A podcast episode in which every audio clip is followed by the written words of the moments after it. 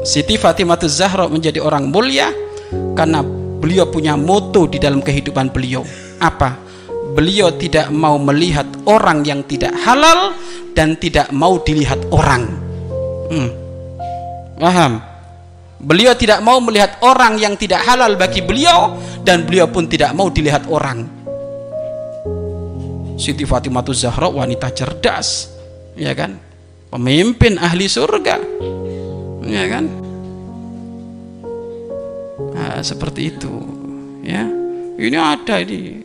Kan gitu enggak itu kan anu Pak Ustadz. Yang penting kan nggak syahwat. Hmm. yang penting nggak syahwat. Goblok. Ya segitu aja sudah. Mohon maaf gobloknya diulang-ulang.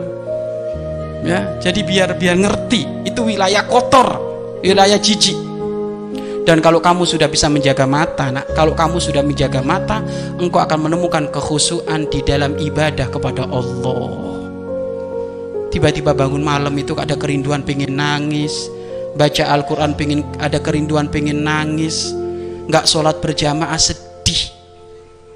Ada anak nggak sholat berjamaah nggak nggak nggak sholat berjamaah nyantai malah ketawa ngekek ngekek belum ada kerinduan belum dikasih oleh Allah khusyuk kenapa?